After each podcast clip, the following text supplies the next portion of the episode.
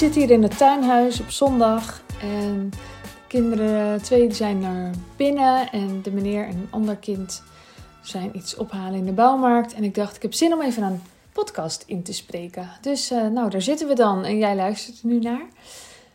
Ik lijkt dat toch soms best wel bijzonder vinden. Of eigenlijk soms, ik vind dat altijd heel bijzonder. Dankjewel dat jij uh, ja, de tijd daarin, uh, dat jij ervoor kiest om je tijd hierin te steken, in luisteren naar mijn verhaal. Ik wil het hebben over de mental load van ondernemende vrouwen. Um, als je mij wat langer volgt, weet je misschien dat, uh, dat ik erg bezig ben geweest om mijn privéleven uit te besteden. Dus drie keer in de week komt hier iemand. Het zijn drie verschillende vrouwen. Eén komt schoonmaken en die is ook heel erg van het opruimen. Dus ze zorgt ook altijd dat ze een klusje aanpakt uh, dat nog niet op orde is. En het grappige is, ik ga er dan dus zelf mee verder. Dus de boekenkast met alle, hoeveel planken zijn het? Twaalf planken.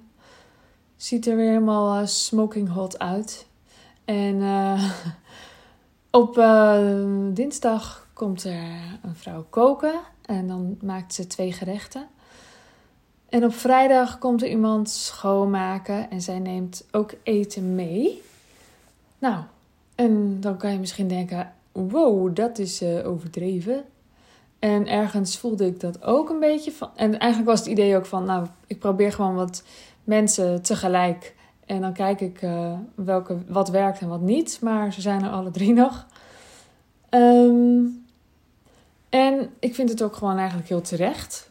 Ik merk dus ik heb dat in een paar podcasts geleden ook gezegd. Ik wist dat het terug zou komen, dat ik het ga terugverdienen.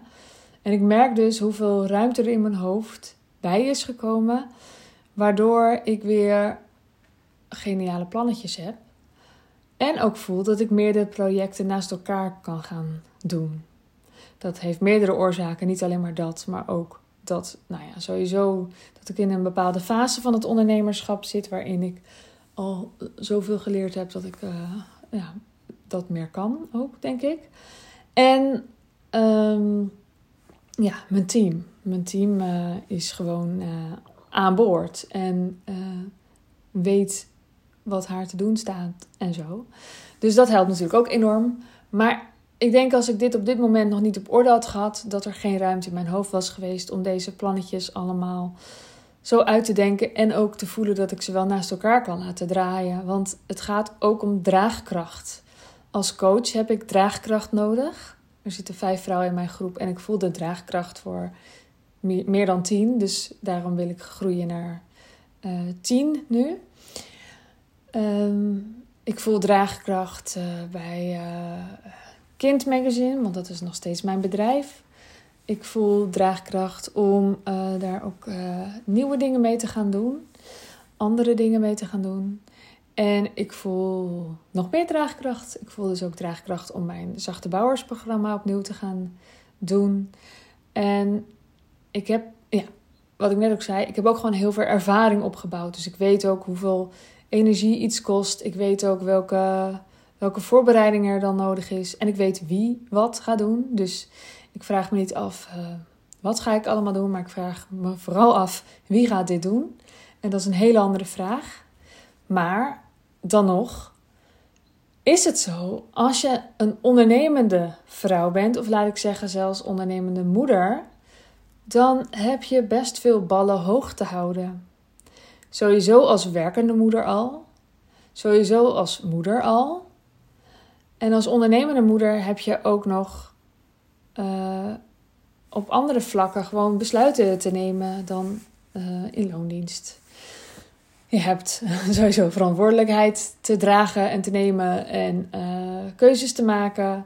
het is belangrijk dat je, ja, hoe noem je dat, vernieuwend blijft. Of in ieder geval dat je niet alleen maar om je heen kijkt en gaat nadoen wat een ander doet, maar dat je blijft voelen wat je zelf wil doen. Dus daar gaat bij mij ook veel energie naartoe steeds meer vrijer worden en steeds meer voelen wat ik te doen heb.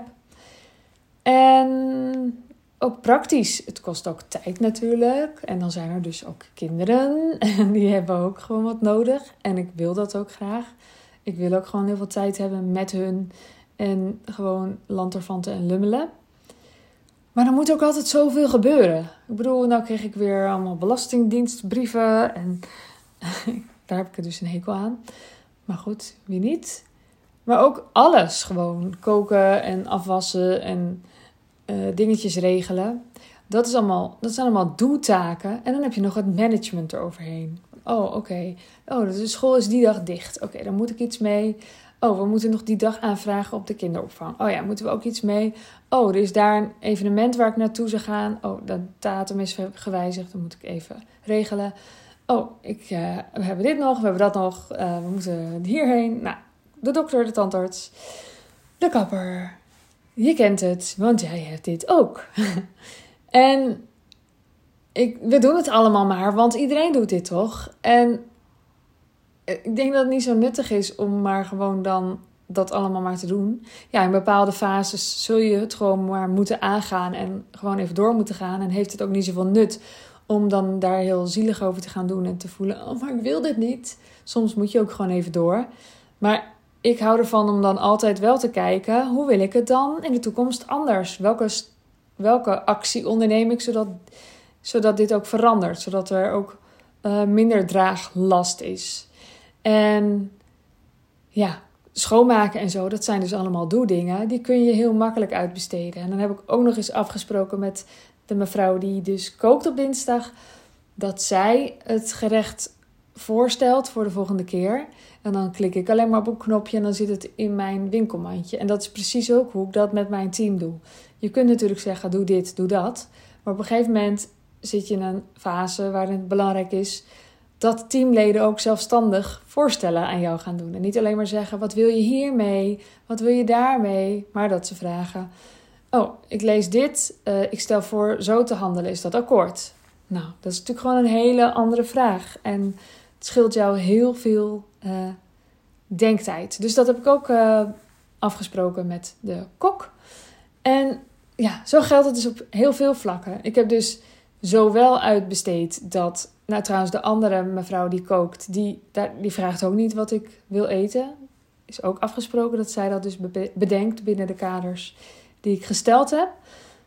En dus ze doen niet alleen maar doe-dingen, maar ze nemen dus ook besluiten. En dat is voor mij essentieel. Dat er ook besluiten genomen worden en voorstellen worden gedaan. En dat die uh, mental load dus ook minder heftig wordt. In een goed lopende organisatie zal er verschil zijn tussen management en degene die alles lopen uit te voeren. Meer een soort office manager type. Of secretaresses of zoiets.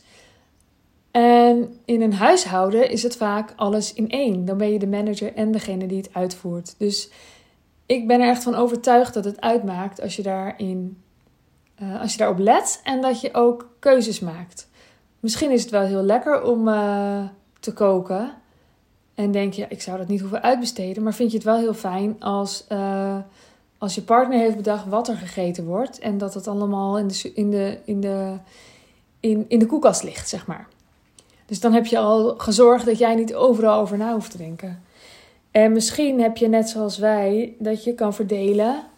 Ik ga er even vanuit dat je met z'n tweeën bent. Dat ben je misschien helemaal niet, maar excuus dan. Maar als je met z'n tweeën bent, dat je ook kunt afstemmen Jij zorgt voor alles wat met de auto te maken heeft. En ik zorg voor alles wat met het huishouden en de kinderen te maken heeft. En dat betekent niet dat de vrouw dat laatste moet doen en de man het eerst. Want dat kan ook helemaal andersom. Maar ehm, bij ons is het wel uh, ouderwets verdeeld. Als er iets met de auto is, dan weet ik dat niet eens.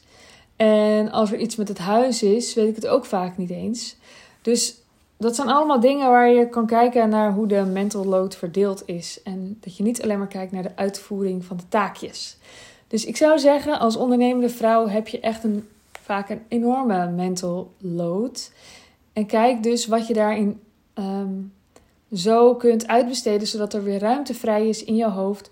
Om ook als een ondernemer naar je bedrijf te kijken. En niet alleen als de uitvoerder of als de coach van je bedrijf, maar ook echt aan je bedrijf werken en plannen voor de toekomst maken en eerste stappen zetten daartoe. Daarvoor is nodig dat er ook op andere gebieden uh, hulp is voor jou.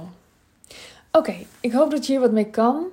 Uh, mocht je je afvragen wat is voor mij dan nu de eerste stap, stuur me even een berichtje op @sandyzachte en dan kijk ik even met je mee. En ik wens jou een hele fijne ochtend, middag, avond, nacht. Mocht jij deze podcast tof vinden, wil je dan een screenshot ervan maken en hem delen. Dan uh, zien andere mensen het ook. En als je mij daarbij tagt, dan zie ik het ook. Super leuk, alvast bedankt en tot de volgende keer. Doei doei!